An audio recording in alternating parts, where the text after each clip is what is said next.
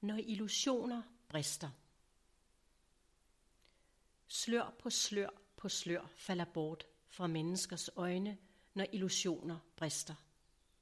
Sværest er det, når hele identiteten er hængt op på et enkelt selvbillede eller et bestemt verdensbillede. Det efterlader et stort tomrum af ingenting. Sådan som det er, når alt er nyt og nøgent. Det kan føles tomt, trist, ensomt, ængsteligt og lammende, og naturligvis, for hvad er der egentlig tilbage? At vente i stillhed og tomhed til noget nyt dukker op, kan være en stor prøvelse. Ofte kaster vi os ud i noget nyt, en ny illusion, i et forsøg på at udfylde tomrummet. Sådan erfares livet gennem illusion på illusion.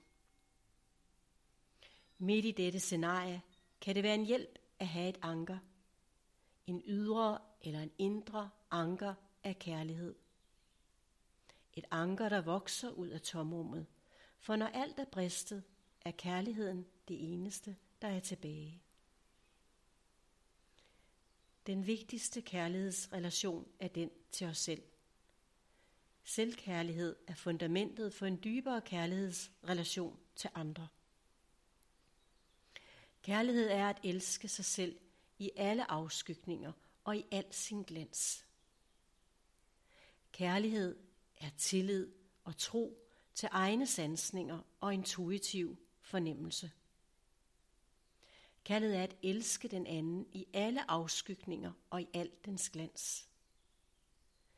Kærlighed er at vise tillid til den andens sansninger og intuitive fornemmelser. Et kærlighedsforhold forener begge og andre med. Der er kun én at elske, og det er os selv.